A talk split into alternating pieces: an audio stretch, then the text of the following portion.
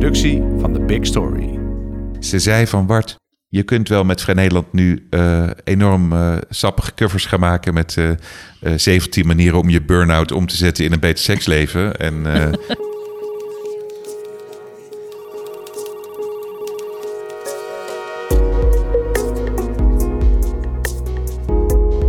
Dit is Komt een blad bij de dokter, de podcast van bladerdokter.nl over media-innovatie.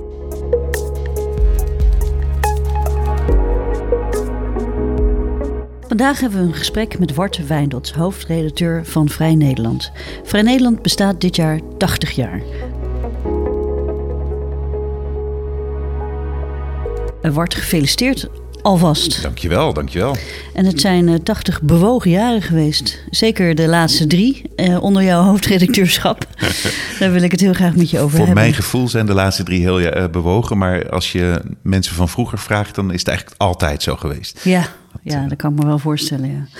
Hey, uh, de reorganisatie. Het was laatste maand uh, veel in het nieuws. Um, want je hebt een reorganisatie aangekondigd. Uh, er zijn negen mensen ontslagen. Uh, kun je daar iets over vertellen? Hoe is dat verlopen? Het was ongelooflijk ingewikkeld. Ehm, om, om heel veel redenen. Ik denk dat de belangrijkste reden was dat we uiteindelijk ehm, natuurlijk heel graag met een grote redactie een blad zouden maken, maar dat het gewoon uh, financieel niet haalbaar bleek. Mm -hmm. Ik denk dat het, dat het eigenlijk niet, niet meer te doen is tegenwoordig om een opinieblad uh, met een kleine omvang, uh, om dat rond te rekenen. dus er was gewoon een financiële noodzaak om iets te doen en niet per se een inhoudelijke.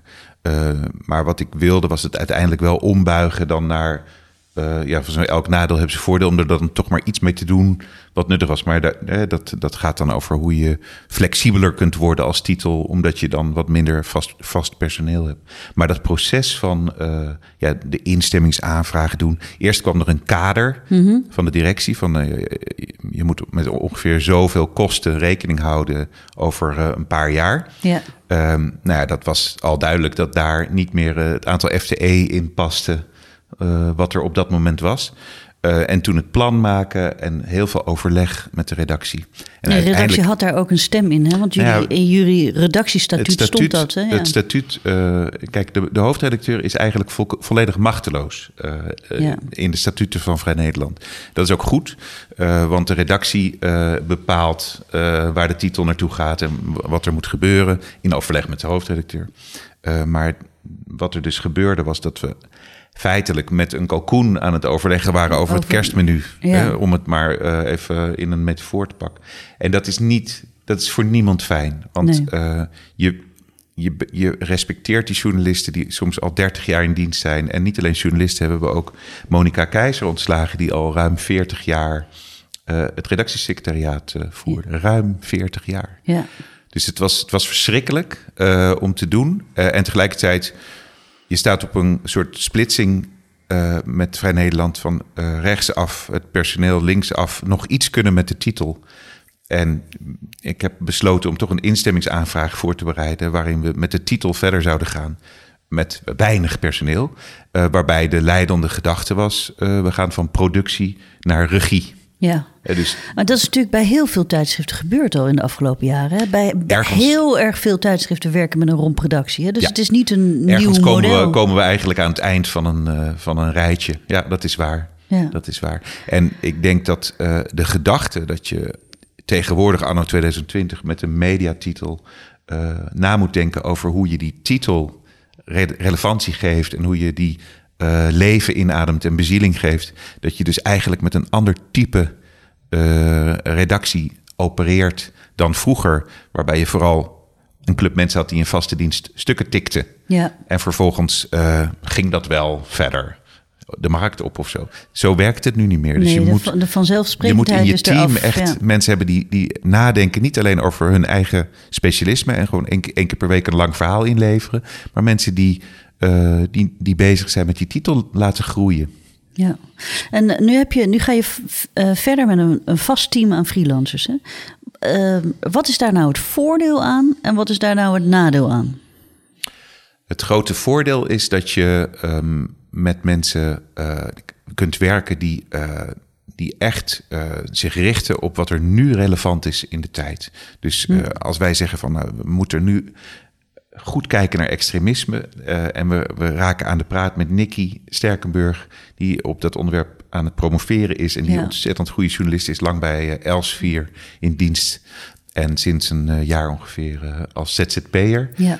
Um, en dat, dat we dan kunnen afspreken met haar van... jij gaat in 2020, neem je zoveel dagen af. Hè? Dat is dan niet een, een soort losse afspraak over schrijven af en toe is een stuk.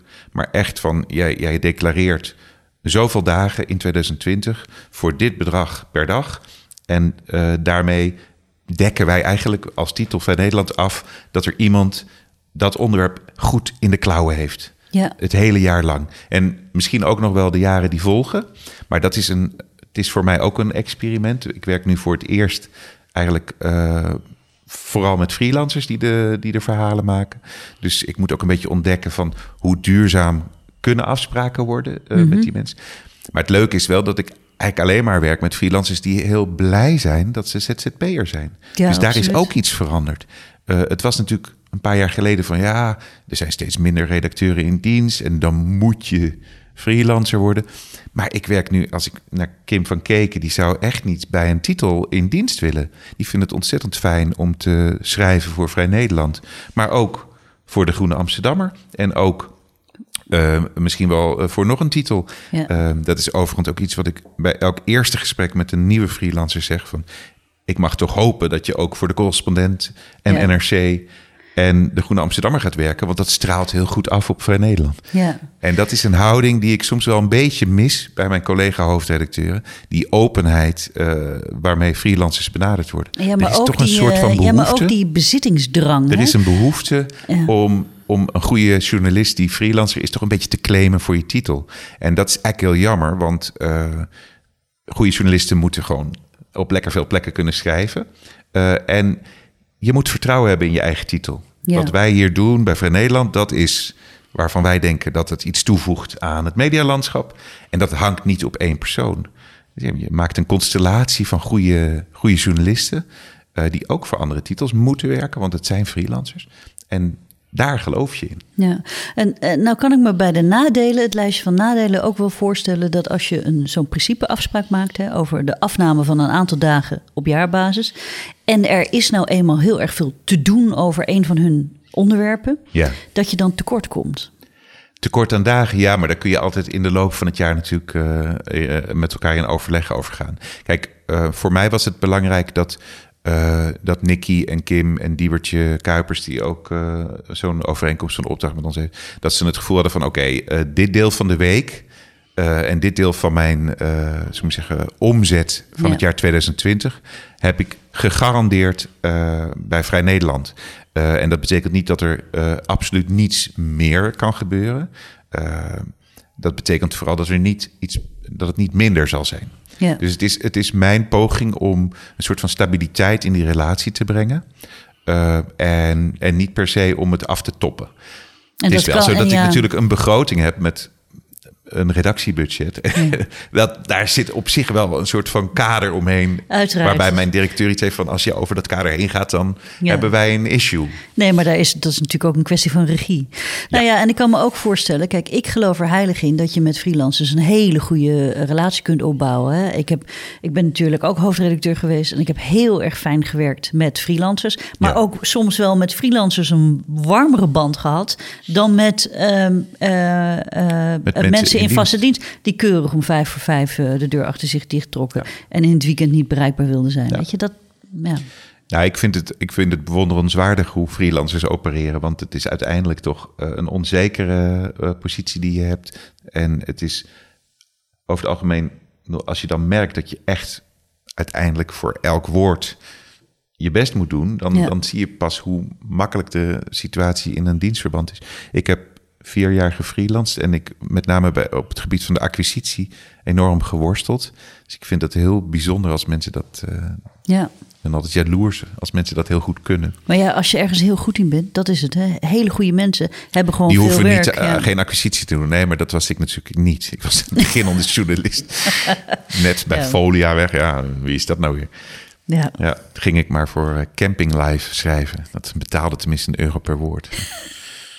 Ook niet meer van deze tijd trouwens, een euro per woord. Maar goed, Nee. dat is terzijde. Ehm, ehm, wanneer zijn jullie... eh, eh, Nee, het nadeel, dus, of tenminste Ja. de uitdaging eh, die je hebt als je... Kijk, je bent dus flexibel als titel. Je kunt zeggen, volgend jaar dan ga ik ook die freelance journalist proberen... wat duurzamer te, te betrekken aan bij de titel. Ehm, en je kunt eigenlijk wat meer de grote verhalen... en de grote veranderingen van deze tijd volgen... door Ja. de keuze van, van je team. Eh, of je, nou, het is niet je team, maar je, je groep freelancers. Het nadeel is natuurlijk dat je eh, op zoek moet naar bezieling voor die titel. Want eh, in hoeverre eh, voelen mensen die een freelance overeenkomst met je hebben zich echt betrokken bij die titel? En in hoeverre zijn ze ook bereid om kritiek uit te oefenen op jouw koers? Eh, en als hoofdredacteur eh, is het natuurlijk ongelooflijk belangrijk dat je tegenspraak organiseert. Ja. En eh, dat heb je met een, eh, een flinke vaste redactie. eh, heb je dat in huis. En ik heb het nu deels in huis. Ik heb natuurlijk nog een chef print en een chef online. Ik heb een art director. En we hebben nog een goede marketeer die ook gewoon heel betrokken is bij de inhoud van het blad en zo. En ik heb een goede uitgever. Maar Ja, maar het, kan ook, het heeft ook Ik een andere kant. tegenspraak als, je een, als je een heel groot team eh, hebt voor je tegenspraak, dan wordt het ook een Poolse landdag. En dan ben je de hele dag aan het vergaderen. En dan blijft iedereen maar mekkeren. En dan kun je niet af en toe als hoofdredacteur je vuist op tafel zeggen Ja. en zeggen: En nou is het klaar, we gaan nu linksaf. Ja, dat is waar. Maar toch eh, hou ik heel erg van, eh, van eh, niet van Poolse landdagen. Dat is een framing waar ik me niet. maar ik herinner me, ik, had een, ik had een plan gemaakt van: oké, als we het nou helder willen maken waarom Vrij Nederland bestaat, is het fijn om. Hè, dat was naar aanleiding van al die gesprekken met die freelancers. kunnen we er niet een soort kapstok? Is, het niet, is er niet een thema wat steeds terugkomt? Ja, Eh, en ik had toen bedacht, ja, er is een thema wat steeds terugkomt. Er is een kloof aan het groeien in het onderwijs, in de zorg. Hè. In het onderwijs heb je eh, kinderen van, eh, van arme ouders die op een school zitten die sluit omdat er een lerarentekort is. Maar dat is gewoon een segregatieprobleem. Ja. En en kinderen van ouders die honderden euro's per maand aan bijles geven om die CITO-toetsscore maar omhoog te krikken. En zo. Er is een kloof, was mijn Ja. constatering. In de zorg, in, nou ja, noem het maar op. Elk onderwerp zag ik een kloof. Dus ik zei, eh, dat wordt onze kapstok voor 2020, de kloof. En toen zei een freelancer, die zei in een vergadering, die ik zo fijn vind, die vergadering, Ja. zei van, wat een negatief woord. Ja. Ik krijg helemaal geen energie van eh, het woord kloof. kloof, ja. Het is allemaal zo van, eh, dat het allemaal mis is of zo. Is het niet gewoon een verdelingsvraagstuk? Zei toen iemand anders. Van, je hebt een, be- een bepaalde hoeveelheid eh, onderwijs te verdelen. En de een krijgt minder en de ander meer. En daar verandert iets in. Er verschuift iets in die verdeling. Eh, en dat is veel neutraler en eh, niet zozeer objectiever, maar meer een journalistieker standpunt van hoe zit het eigenlijk met de verdeling in het onderwijs? Hoe zit het eigenlijk met de verdeling in de zorg? Heb je, heb je dus die. Heb je, is dat je nieuwe koers? Is dat je bij wijze van spreken de, het fundament onder je bladformule of je, of je lezersbelofte? Ja, de lezersbelofte is eigenlijk van, kijk, je hebt de kranten bestaan en de kranten die hebben die rol van die weekbladen helemaal overgenomen. Dus Ja. de kranten brengen het nieuws, maar brengen ook de duiding bij het nieuws. Maar het is nog wel echt het nieuws. Dus het is nog van deze week hebben de, heeft de Farmers Defence Force een hele nare brief gestuurd. Hoe zit het nou met hoe de regering zich moet verhouden tot de boeren? Ehm, Ja. hè? En eh, wij hebben geconstateerd van er is ruimte voor een titel als Vrij Nederland in het stuk daar weer achter. Dus je kijkt naar de grote veranderingen van deze tijd. En dat heeft dan te maken met een, eh, verschil, een, een veranderende visie op wat er met landbouw moet gebeuren. En eh, hoe je een land inricht en hoe je subsidiestromen laat lopen en zo. Ehm, om maar even het, land, het landbouwvoorbeeld te noemen. Maar je kan het ook op elk onderwerp. kun je nog één stap verder gaan. En kijken naar de grote veranderingen. De tektonische platen die tegen elkaar aanschuren. En dat is waar wij iets kunnen toevoegen. Door diepgravende journalistiek. En als we dan vervolgens eh, met een groep mensen gaan kijken van welke onderwerpen gaan we dan bekijken. En wat zijn die grote veranderingen die daaronder liggen. Dan kom je tot producties die echt iets toevoegen aan wat er al Maar in de- het medialandschap is. Ja, maar daar, daar proef ik dus ook uit dat die verhalen dus iets tijdlozer van aard zijn. Hè? Meer, en daar ja. waar, je, waar de krant dus inderdaad op die positie is gaan zitten van de weekbladen. eh, en dus ook de duiding en de opinie en de achtergrond doen. eh, eh, nemen jullie eigenlijk een stap naar achter. Eh, Ja. Waarin je de hele actuele kwesties met een helikopterview, zeg maar, in een wat groter perspectief plaatst. Ja. En, daarmee, en dat is natuurlijk het mooie, als op het moment dat die content ook iets houdbaarder van aard is, heb je natuurlijk ook de langer de tijd om het Ja, te. en dat helpt ook als je een lange productietijd hebt met je printproduct. Maar dat, dat is een soort praktisch voordeel. Je kunt niet meer columns over de kwestie van die week. Ten eerste lig je vijf weken in de schappen. Ja. En ten tweede duurt het een paar weken tussen dat die column ingeleverd wordt en dat het blad in het schap ligt. Maar weet je wat heeft- er ook is? Ik heb mensen die, mensen die zijn op zoek naar heel veel, laten we zeggen, hou vast in, in, in die snel veranderende wereld. En als je nou eh, eh, met een groep mensen kan zorgen dat er een soort van munitie gecreëerd wordt voor het bepalen van je standpunt over al die belangrijke onderwerpen, eh, dan kun je echt nog iets toevoegen. En dat, dat kan hem erin zitten dat je mensen te spreken krijgt die eigenlijk nog niet in andere bladen gesproken zijn, die echt nadenken over van hoe kunnen we nou met energie in de toekomst omgaan? Moeten we thoriumcentrales gaan bouwen? En daar, Ja. bedoel, je ziet heel vaak dat Vrij Nederland eh, onderwerpen toch een beetje als eerste eh, belicht. En dat het dan later, dat vind ik heel leuk. En het heeft ook iets onhandigs, want dan zitten we eigenlijk te vroeg in de hype cycle. We hadden bijvoorbeeld een jaar geleden een groot verhaal over de zeespiegelstijging. ja. En nu En heb je Rutger Bregman. Ja. die, eh, die eh, nam contact op van... mogen we dat, dat kaartje van de zeespiegelstijging uit jullie verhaal... mogen we dat gebruiken voor mijn pamflet? Ja. Dan zie je dat Nederland in 2100 zo'n beetje Ja. bij Amersfoort... Begint, Amersfoort ja. aan zee. Eh, ik zei, ja prima, natuurlijk hartstikke leuk. Het staat heel netjes, bedankt voor Nederland en zo. Eh, maar de menu is dus het ijzer heet. En dan zaten wij dus net te vroeg. Hadden we ook met eh, Cambridge Analytica. Ja. Hadden wij in 2017 een groot verhaal over. En in 2018 eh, ging, ging iedereen van... Oh, Cambridge Analytica. Maar het is, het is wel heel interessant wat je zegt. Hè? Want jullie Ja. hadden natuurlijk vroeger eh, hè, als weekblad... had je eh, toch een beetje een linkse signatuur. Eh, eh, ehm, nu is er een nieuwe koers. Het is een maandblad. Het is online first. Hè? Er is Ja. heel erg veel veranderd. Ja. Ehm, wat gaan we nou terugzien... In die signatuur. wat is die signatuur? Wat is jullie ja, USP, of, om, om het zo maar te noemen? Ja, USP. kijk, als je het hebt vanuit dat linkse eh, verleden, eh, wat eigenlijk meer een sociaal-democratisch verleden was, volgens mij. Het was echt het Partij van de Arbeid eh, blad. Ik denk dat we daar nog steeds overeind houden dat mensen kunnen naar de wereld kijken met een, een, een soort barmhartigheid van we moeten de wereld goed achterlaten voor onze kinderen, maar ook voor eh, de mensen buiten Nederland. En we moeten een soort van eh, eh, zorgen voor, voor de zwakkeren. Ja. En dat staat ook in ons statuut, dat Vrij Nederland op die manier naar de wereld kijkt. En niet met een soort reactionaire, angstige blik. m- met aluminium hoedje op in een Ja. hoekje.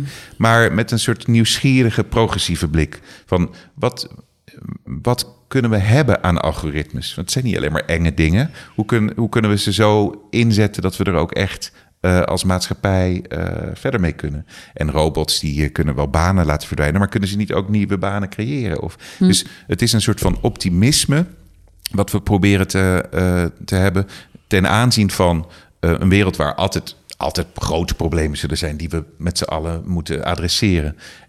En ja, het, er zit een soort rationeel verlangen in om, eh, om tot oplossingen te komen, waarbij we niet mensen buiten de boot laten vallen. Maar, Maar, dat is niet per se een USP, dat is meer een soort grondhouding Ja. van onze journalistiek. Ja, maar dan nog, eh, eh, eh, er zijn natuurlijk. Eh, het medialandschap is heel erg vol. Hè? En, en ehm, eh, je, de vraag is: hoe blijf je relevant als mediatitel? Ja. En dat is een vraag die eh, elk mediamerk zich eh, bij Ja. tijd en wijle kritisch zou moeten stellen. Ja. Dan nog, hoe blijf je relevant en waarom is Vrij Nederland belangrijk? De hele koers gaat nu om. En wat is nou het grote onderscheidend vermogen wat we bij jou kunnen, kunnen gaan zien de komende tijd? Ja, kijk, de koers gaat niet zozeer heel erg om hè, nu. Dat, eh, ik ben twee jaar geleden begonnen eh, met een soort proces waarvan ik nu, wat ik nu aanscherp. Eh, ik heb al twee jaar geleden gezegd van Vrij Nederland moet kijken naar de grote veranderingen van deze tijd. Dus wij moeten niet meer. Ik had op dat moment allemaal wekelijkse columns die alleen online verschenen, waar mensen riepen: Oh, wat Oprah dinsdag zei, is dit en dat is dus zo. En Ja. Ik keek om me heen en eigenlijk elk medium had wel één of twee van dat soort columnisten. Ik dacht, nou, dat is toch weer eh, een aantal eh, euro per week wat ik kan besparen door daar niet aan mee te doen. En Ja. natuurlijk mis je dan wat, eh, wat traffic, hè, wat eyeballs. Maar converteren die mensen nou echt naar abonnee? Ja. Hè, de mensen die af en toe eens op een column klikken omdat iemand de hype du jour even eh, eh, snedig eh, samenvat. Nou, nee. En als je een blad maakt of een tijdschrift of een krant, dan heb je natuurlijk dat soort elementen wel nodig. Dus dat is ook meteen een worsteling dan om een goede bladformule te krijgen. Als je al die moet zeggen, losse kreten eruit haalt. Maar ik zag online zag ik niet hoe wij iets toe zouden voegen, of in ieder geval niet hoe wij meer abonnees zouden krijgen door allemaal losse columns te publiceren. Ja. Dus dat is al een stap die, die twee jaar geleden eigenlijk gezet is. Van wij kijken naar de grote veranderingen. En daarmee eh, zetten we, leveren we eigenlijk een soort bouwstenen voor het publieke debat. Ja. Eh, dus als het nou gaat over de klimaatverandering en de zeespiegelstijging. Elke editie van dit jaar gaat één van de grote, grote kwesties binnen eh, de klimaatverandering heel, heel zorgvuldig belichten. Op een manier die in kranten in ieder geval echt niet kan, omdat die er gewoon de ruimte niet meer voor nemen. Ja. Eh, en die bij ons nog echt wel kan. En zo, eh, ik denk dat wij echt die brandstof voor je eigen mening kunnen leveren aan de lezer. Die, die ze echt nu echt wel verlangen. Maar En, daarvoor oh. moet je dus wel naar buiten treden met een helder verhaal over, over je missie. En, en ook over de manier waarop je dat verpakt. Want ik, ik eh, lees daar ook uit dat je toch heel erg op die longvorm gaat zitten. Nee, dat, dat hoeft niet per se. Nee, dat is, eh, bedoel, we hebben op een gegeven moment eh, de redactionele koers intern en naar freelancers heel simpelweg verwoord met twee punten. Eén, elk verhaal gaat uiteindelijk over de grote veranderingen van deze tijd. En twee, een verhaal is mooi gemaakt. Dus het is goed geschreven of heel goed eh, in audiovorm of in videovorm. Dus we gaan niet eh, met een iPhone even een livestream doen, maar we hebben gewoon iemand van de filmacademie die regie heeft gedaan en een editor. En het wordt gewoon een keurig mooie film. Eh, zodat je een soort van inhoudelijke kwaliteit laat koppelt aan een visuele of een auditieve kwaliteitsgevoel. Goede eindredactie. Ja, En- kon dat op de redactie met allemaal gouden pennen, zeg maar? Wat, voorheen hadden jullie natuurlijk een redactie met voornamelijk eh, gouden pennen. Hè? Ja, Mensen die ja. gewoon heel erg goed in tekst Ja. kunnen denken. Ja, ja en, en je moet dus werken met eh, freelancers die ook goed kunnen schrijven.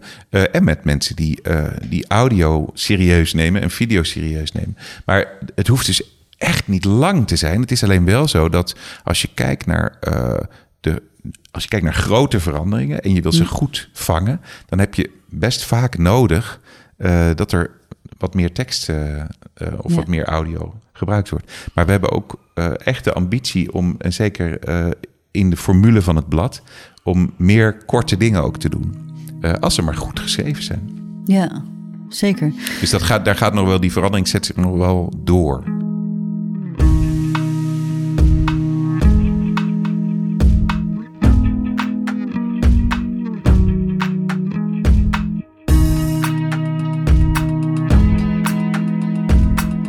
Gaat het met de oplagenontwikkeling? Want ik, ehm, ik las dat ehm, je bent in 2016 begonnen.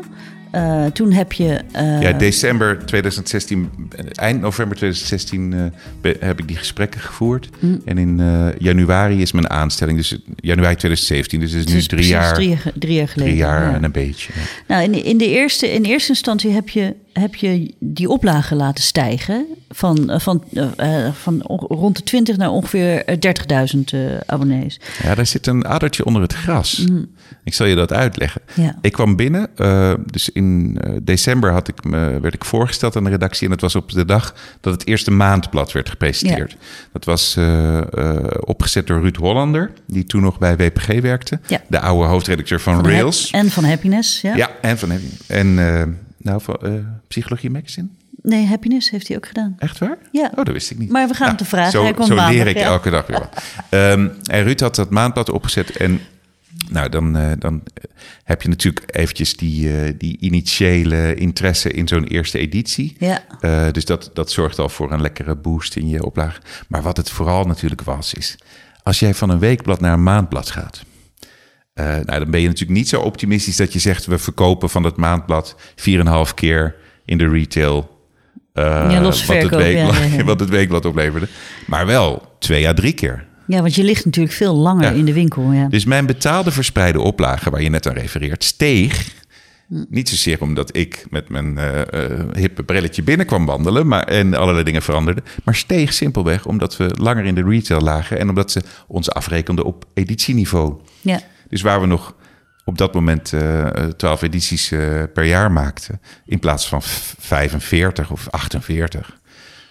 Ja, dan gaat je losse verkoop wel omhoog. Ja. Dus het was, dat, was helemaal, dat had helemaal niets te maken met mij. Het was wel leuk, maar het had niets met mij te maken. Nou, en, nou- en- Als je en- kijkt vanaf 1976 naar ongeveer nu, Hm. het is nu aan het veranderen. Dan zie je eigenlijk ongeacht de hoofdredacteur, ongeacht de koers, ongeacht de economische omstandigheden, ongeacht de, de politieke situatie, zie je heel geleidelijk die oplage van Vrij Nederland langzaam wegzakken. Overigens net als alle andere bladen hoor. Want, Nou eh, ja, ik weet niet of het bij anderen ook helemaal geen invloed had wie er aan het roer stond. Maar bij ons maakte het helemaal niks uit. Of je nou Sandra Schutte was, of Frits van Ekster, of Rinus Ferdinandussen. Iedereen, Max van Wezel, vorig jaar overleden, bijna een jaar geleden. Die zei tegen mij, Wart, ik ben in 1976 in dienst gekomen. En ik heb mijn, mijn hele carrière bij Vrij Nederland gewerkt. En hoogtijdagen beleefd, journalistiek inhoudelijk. Maar ik heb nog nooit een oplagestijging meegemaakt op jaarniveau. 76, 77, 78 tot nu ja. daling. Eh, Dus dat is heel wonderlijk. Eh, en, maar voor een deel heeft het denk ik te maken met een eh, interne blik. Dus ik denk dat we een redactie hadden op dat moment, toen nog 40 man groot, die Zo. vooral met zichzelf bezig waren. 40, Ja. Ja. En ik denk dat, ik hoop dat wat wij nu met de huidige club als verschil kunnen maken en waardoor we hopelijk weer gaan groeien, is dat we naar buiten kijken en naar de behoeften van de lezer en naar de behoeften van de markt. En dat Ja. we kunnen laten zien dat we eh, al onze betaalrelaties bij elkaar, dus print en digitaal of print en digitaal gecombineerd, eh, kunnen laten groeien. Ja, maar dat is natuurlijk ook een. Eh, wat je ook schetst, is het verschil tussen nadenken over het verkopen van een papieren product. tot het in de, in de markt zetten van een mediamerk. Ja. Hè, ongeacht eh, in welke verschijningsvorm het is. Ja. En dan is uitgeven niet zozeer het verkopen van een. een, een- je bent geen kiosk, hè. hier heb je een krantje, hier heb je een blaadje. maar je bent een relatie aan het opbouwen. Eh, in mijn eh, ogen is uitgeven nu relatiemanagement. En je En moet dat vo- de- ja. die relatie zien te verzilveren. Ja, en dat vond ik zo leuk aan. eh, eh, Sanne Visser werd op een gegeven moment mijn directeur. Ik heb Ja. er al Oud, eh, oud Sanoma. een stuk of drie gehad. Maar ja, Sanne. En zij was op Twitter Glossy Sanne. Ja. Dus eh, ze zei ook meteen van Wart, ja, eh, glossy hè. Maar mijn vader die leest Vrij Nederland of zoiets. Eh was een heel leuk gesprek. En het leuke wat, wat ik nog steeds eh daaraan koester, het gesprek was toen ik net begonnen was, een jaar of eh, drie geleden. Ze zei van Wart, je kunt wel met Vrij Nederland nu eh, enorm eh, sappige covers gaan maken met eh, eh, 17 manieren om je burn-out om te zetten in een beter seksleven. En je kunt wel heel veel advertenties gaan proberen te verkopen of rare branded content dingen aan te gaan. Nou, raar, maar gewoon branded content te gaan doen. Maar daarmee verwater je eigenlijk alleen maar dat product. Wat jij je moet doen, is je gewoon volledig richten op Ja. de betaalrelatie met de individuele persoon in Nederland die slim is en denkt, nou, Vrij Nederland, daar kan ik wat van leren. Dat ga ik steunen. Dus zorg dat je een goede missie hebt. Je laat zien, dit is waarom Vrij Nederland bestaat. Ja. En dan gaan mensen vanzelf wel in geloven. Wat ik heel erg onderschat heb, want ik had vlak daarvoor een nieuw mediamerk opgericht, wat in Bij NRC, jaar hè? Bij een Mindshakes. bij NRC, bij ja, NRC, eh, ja. de traffic had eh, die wij met Vrij Nederland nu hebben en 60.000 likes op Facebook. En dat was ook in die tijd ging dat allemaal nog makkelijker met Ja. mediamerken. Want Facebook had nog niet door dat je er heel veel geld aan kon verdienen. Ja. Maar wat ik niet... voor de ja. algoritmewijzigingen. Ja. Wat Ja. ik heel erg onderschat had, was eh, de erfenis die... eh, want ik zei nog, toen ik geïnterviewd werd, toen ik net hoofddirecteur was van... Wat fantastisch, ik sta op de schouders van reuzen. Maar je staat ook onder de schaduw van heel veel negativiteit eigenlijk. Hè? Dus eh, de, de, de, de pers over eh, de veranderingen bij Vrij Nederland is eigenlijk altijd van... ja, het gaat al jaren mis. En vroeger hadden we Hugo Brandt kostjes en dit en dat. Is Ja. en, en het is zo ontzettend leuk om te merken nu... eh, echt, eh, bedoel, echt om me heen. En mensen, eh, natuurlijk willen mensen je stroop eh, onder de mond smeren. Maar ik begin echt te merken dat er iets verandert in de perceptie van dat merk. Ja. Waarbij het een beetje los begint te raken van dat sombere, negatieve Ja, maar- verleden. En die, die, ja, maar die het is toch, kijk, dat En vasthouden aan die glorietijd, hè, dat, Ja, dat vasthouden aan wel. die glorietijd, dat is, en ik erger me daar persoonlijk Ja, eh, het is heel helemaal paars aan, want Ja. het is, je kan niet terug naar het verleden. Nee. En je moet vooruitkijken en het, de, het medialandschap nu is een andere dan dat het in 1985 was. En in 1985 zat er een bepaalde vanzelfsprekendheid bij, Ja. wat natuurlijk ook te maken had met de monopoliepositie van uitgevers, wat natuurlijk met, te maken had met de schaarste van content. Nou, eh, vertaal dat even naar het medialandschap van nu. Eh, nou, je hebt ballgame. Different ballgame. Nou, het is gewoon een ander vak. En je ander hebt, vak geworden, en, ja. en nu, vroeger was je als mediamerk de gatekeeper naar een grote community. En nu zijn dat de algoritmes. En Ja. je maakt dus content voor algoritmes. Tenminste, als je het heel, Nou, chargeert, heel erg chargeert. hè. En dat is toch wel een ander vak. En, Nou, wat eh, ik heel leuk vond in dat eerste jaar. eh, ik heb Mea Dols de Jong eh, vanuit Mindshakes of NRC Mm. meegenomen naar Vrij Nederland, min of meer. En wij zijn eh, filmpjes gaan maken, of zij is eigenlijk eh, video's gaan maken. eh, met het idee van. Eh, gekartelde standpunten van mensen die ergens verstand van hebben. Dus Ja. en met een het liefst nog een persoonlijke invalshoek. En eh, we hadden op een gegeven moment twee filmpjes. eh, het eerste en het tweede filmpje. Daarna werd het minder wegens Facebook ook. Het eerste en het tweede filmpje gingen ongelooflijk viraal. En dat was toen we er net een paar maanden waren. Roxane van Iperen over fossiele Ja. brandstoffen.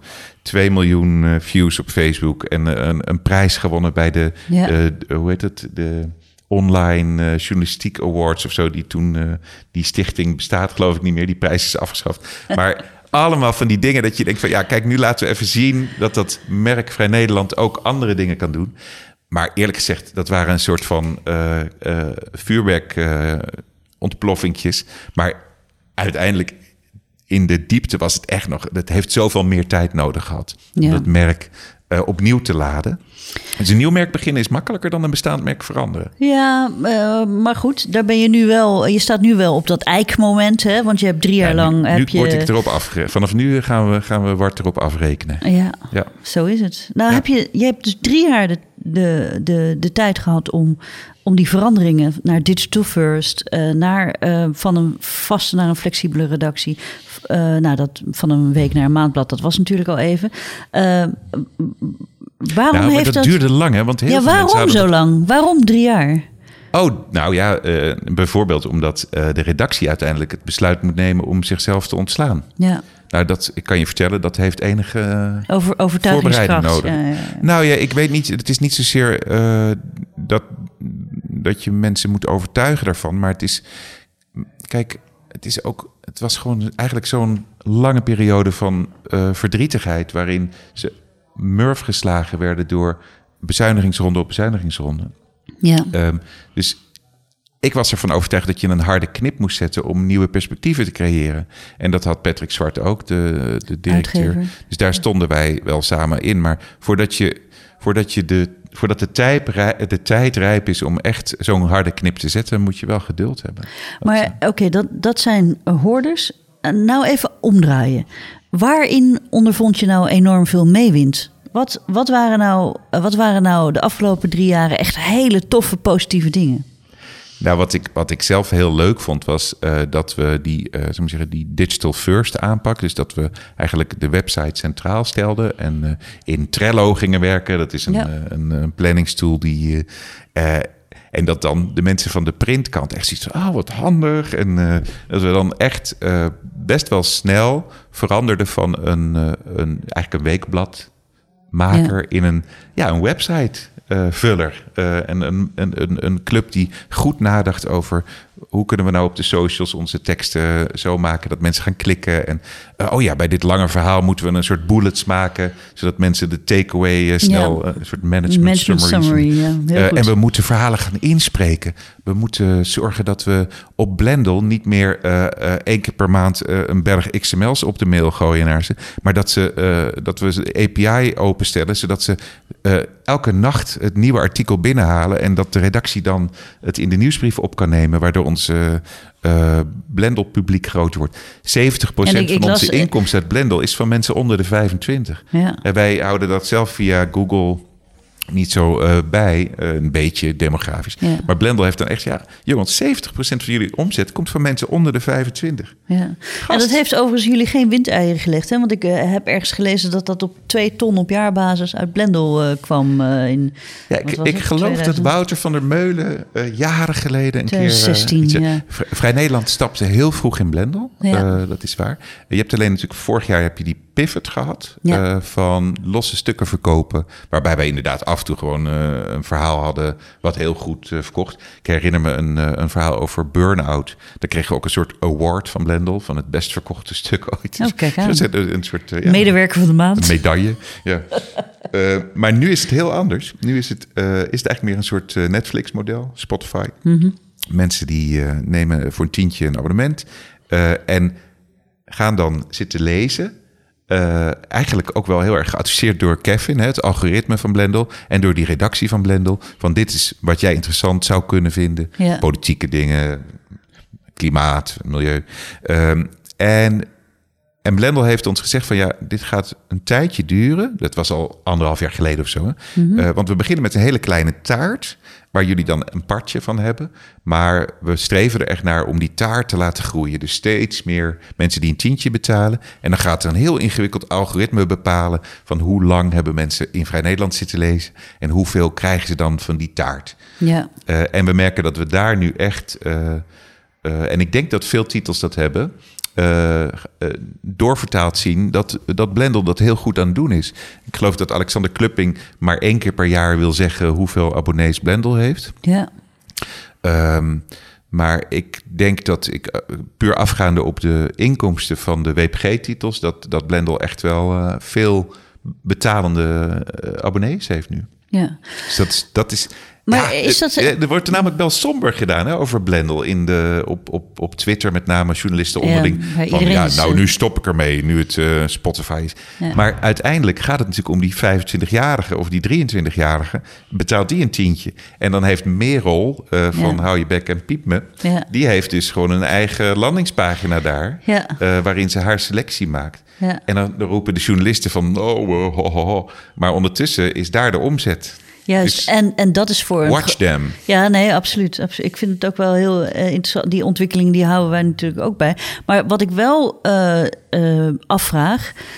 In hoeverre cannibaliseert dat met je eigen digital first strategie? Want jij wil natuurlijk je eigen digitale ja. abonnees meenemen. Nou, het eerste wat dus je moet altijd op twee paarden ja, wedden. Ja, en dat is ook iets om in de gaten te houden. En dat ben ik ook heel open over tegen Blendel. Ik zeg van, op het moment dat ik het gevoel krijg dat, stappen we eruit ja, dus vroeger echt, vermarkt je daadwerkelijk de Blendel-links. Hè? dus je, hebt, uh, je had een uh, mooi verhaal geschreven. Er stond een mooi verhaal in Vrij Nederland. En dan stond er op de socials: lees dit verhaal, klik hier, ga naar Blendel. Maar dat ja, is nu. Dat doe is je het eerste wat ik anders. eruit heb gegooid. Ja. Toen ik binnenkwam, het eerste wat ik zei van jongens. Ik zit erin voor de directe betaalrelatie met, uh, met jou als, als lezer, als potentiële abonnee. Ik wil dat jij met mij iets aangaat. Ja. En dan wil ik van jou weten waar je woont. Uh, niet om daar van alles mee te doen, maar gewoon wij hebben een relatie. En, maar toen ik binnenkwam, toen had je op, bij elk stuk op vn.nl stond een Blendel-knop. Ja. Wat, je, wat eigenlijk schreeuwde van... nee, WPG hoeft dat helemaal niet, die persoonlijke relatie. Voor al die onhandige dingen met geld... ga maar naar Utrecht, naar het kantoortje van Blendel. Nou, en dan alleen, noteren soort... zij je gegevens wel... en dan krijgen wij een paar dubbeltjes. Het is een paywall light, weet je? Ja. Is, ja. En toen was ik gewoon... ik dacht van ja, maar zo moeten we dat niet doen. Dus ik heb die Blendel-knop er onmiddellijk uitgegooid... en heb gezegd, er bestaan vanaf nu twee stromen. Eén stroom waar wij verantwoordelijk voor zijn. Ja. Via onze socials, via onze nieuwsbrieven. Want dat was wat Alexander Klupping toen ik bij hem op een soort van advies van. Alexander, ik ga nu een grote broek aantrekken en ik vind het heel eng. Wat moet ik doen? Ja. Toen zei hij van, nou ja, je, je komt gewoon voor een enorm uh, muur te staan met allemaal knoppen. Uh, honderd knoppen en twee ervan werken. En achtervan denk je dat ze werken en die andere werken niet. Maar je moet er allemaal aan draaien om te kijken wat er gebeurt. Succes. Ja. Maar Alexander die, uh, uh, die had zijn stroom met zijn jonge publiek.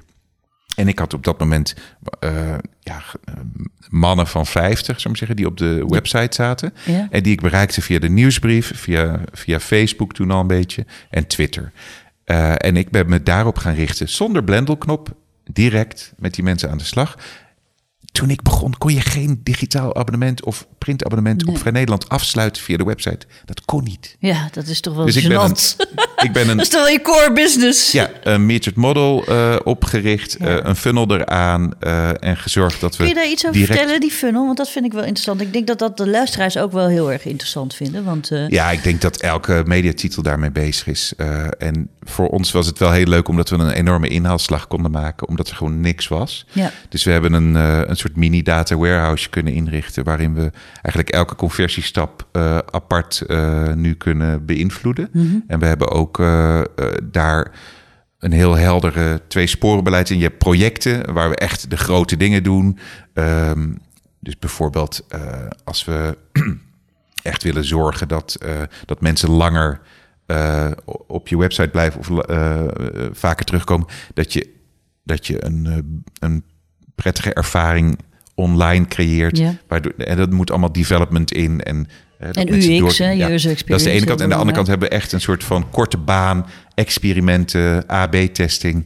En dan is het gewoon, eh, inmiddels is het echt ingericht van, oké, mensen komen aan op de website, komen aan op de abonnementenpagina, of hè, komen bij de paywall op een gegeven moment, cookie, paywall, Ja. abonnementenpagina, keuzes. En op elk stapje kunnen we gewoon in een, eh, in een eh, overzicht zien, dit zijn je conversiepercentages. En dat is dus iedereen die doet wat je wil dat je dat, je, dat ze Ja. doen. Ja. En we zitten nu op een instroom wekelijks, die toen ik die een keertje vertelde aan een eh, lezersmarketeer van, eh, van TMG, die zei van, wow, what the fuck, Ja. lekker. Dus, dus, dus eh, voor ons is vooral, eh, laten we zeggen, op dit moment het verhogen van de traffic, dus meer mensen naar onze site krijgen, het belangrijkste doel. Dat is het, het doel van 2020. Er komt ook een enorme videocampagne aan.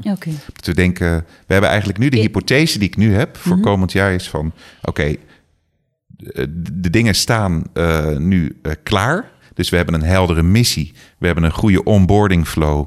We hebben een goede, eh laten we zeggen, PR in, eh, om wat we hebben gemaakt ook echt een beetje onder de aandacht te brengen.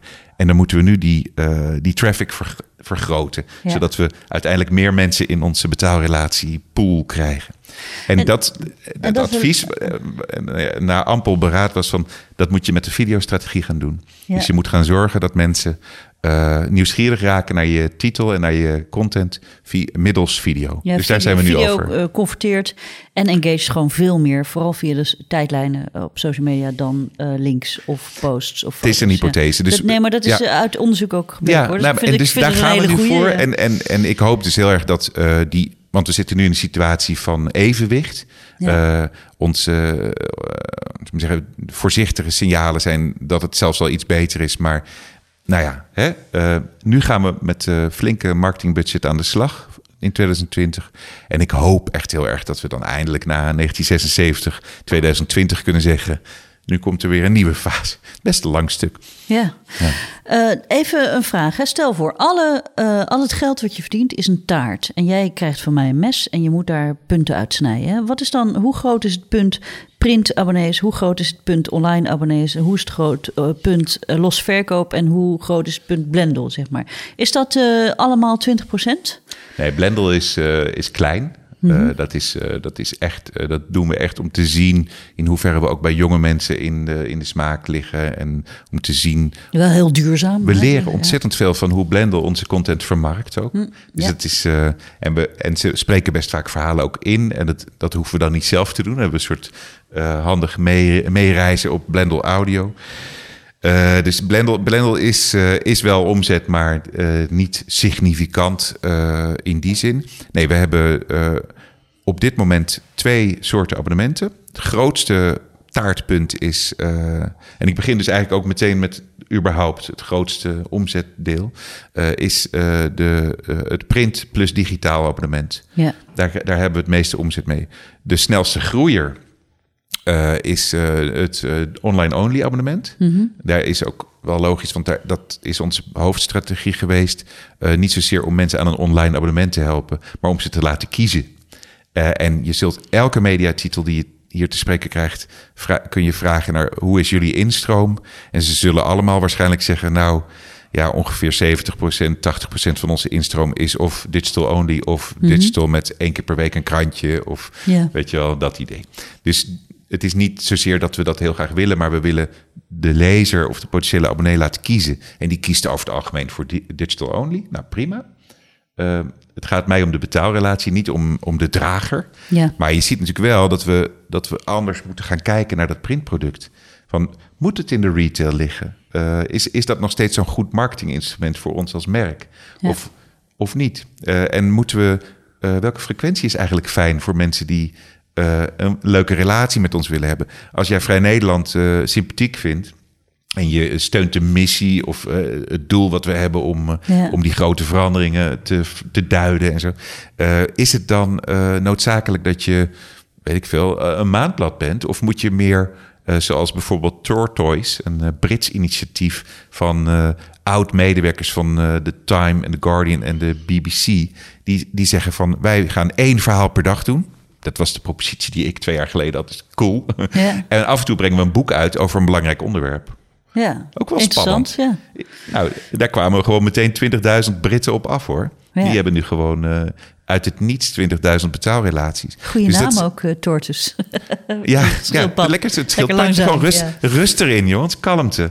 Uh, goed nadenken, nuance. Het is echt leuk. ik, ik geloof heel erg in die, in die, zeggen, die houding. Te zeggen van, hé, hey, dat is ons plekje rustig aan. En ik weet niet of een maandblad daar per se het beste product bij is. Ik denk dat je gewoon uh, daar ook uh, slim naar moet blijven kijken. Ja. ja, de positie van print staat natuurlijk enorm onder druk. Hè. Je ziet dus dat het product ook verandert. Het, navigeert steeds verder weg van alles wat actueel is. En wat dat kan gewoon niet. Print en actualiteit, dat, dat is gewoon geen goede combinatie. En als je ook ziet dat die losverkoop, uh, ja, dat wordt, dat wordt niet zozeer meer uh, routine, elke maand, elke week, elk kwartaal, elke twee maanden, maar eerder gelegenheid. Ja. Voor vakantie, Cadeautje. vaderdag. Ja. ja. En dat, uh.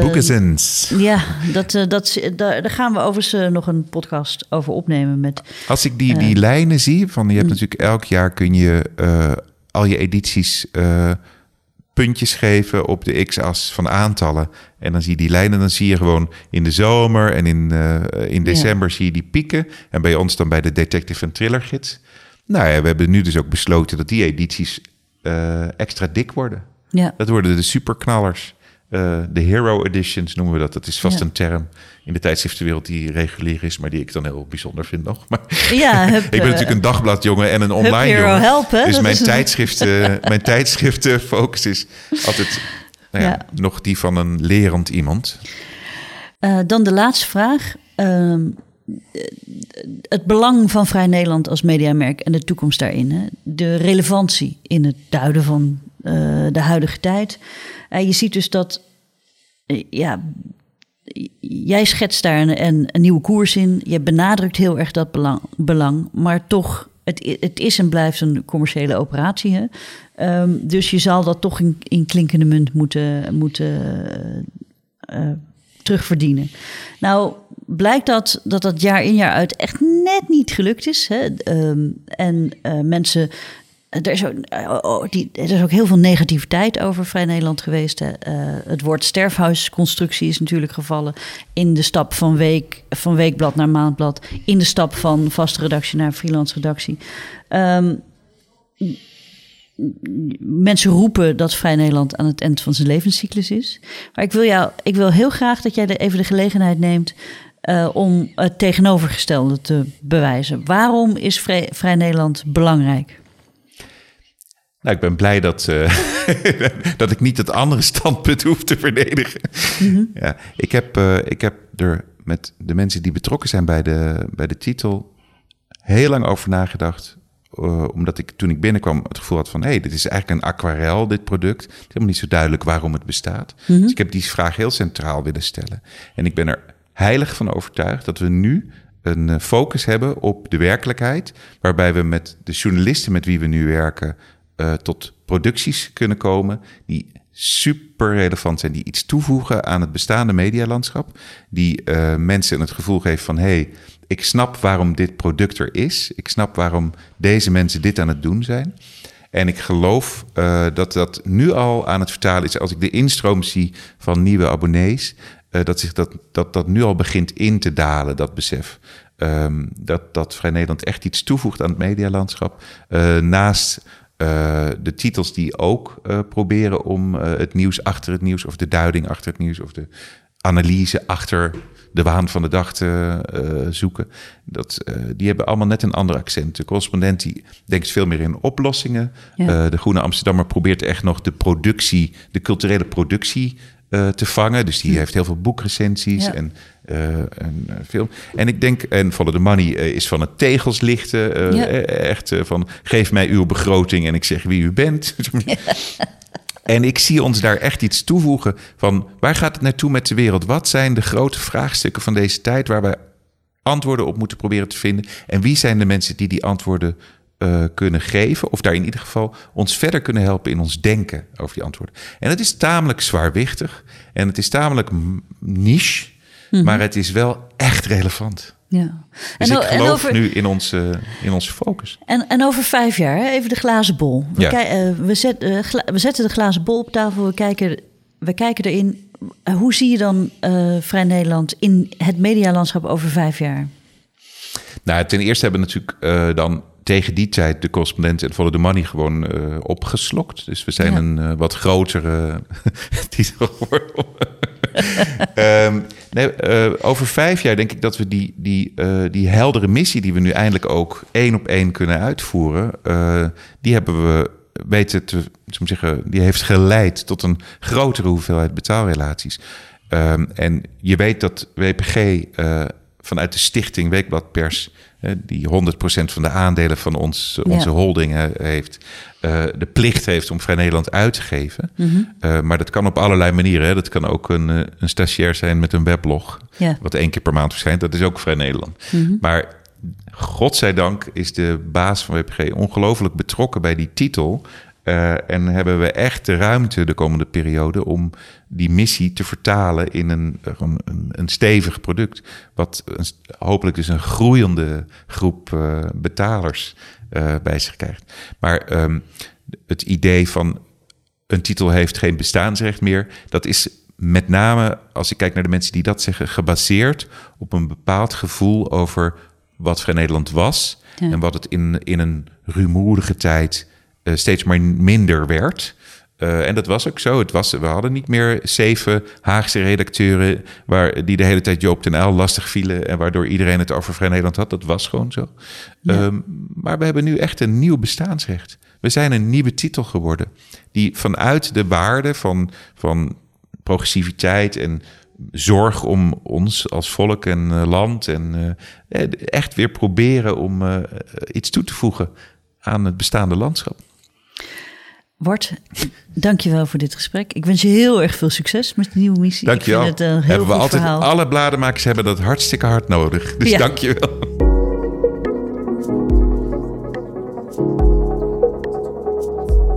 Dit was Komt een blad bij de dokter, de podcast van bladerdokter.nl. Elke maand hebben we nieuwe gesprekken met bladenmakers en hoofdredacteuren.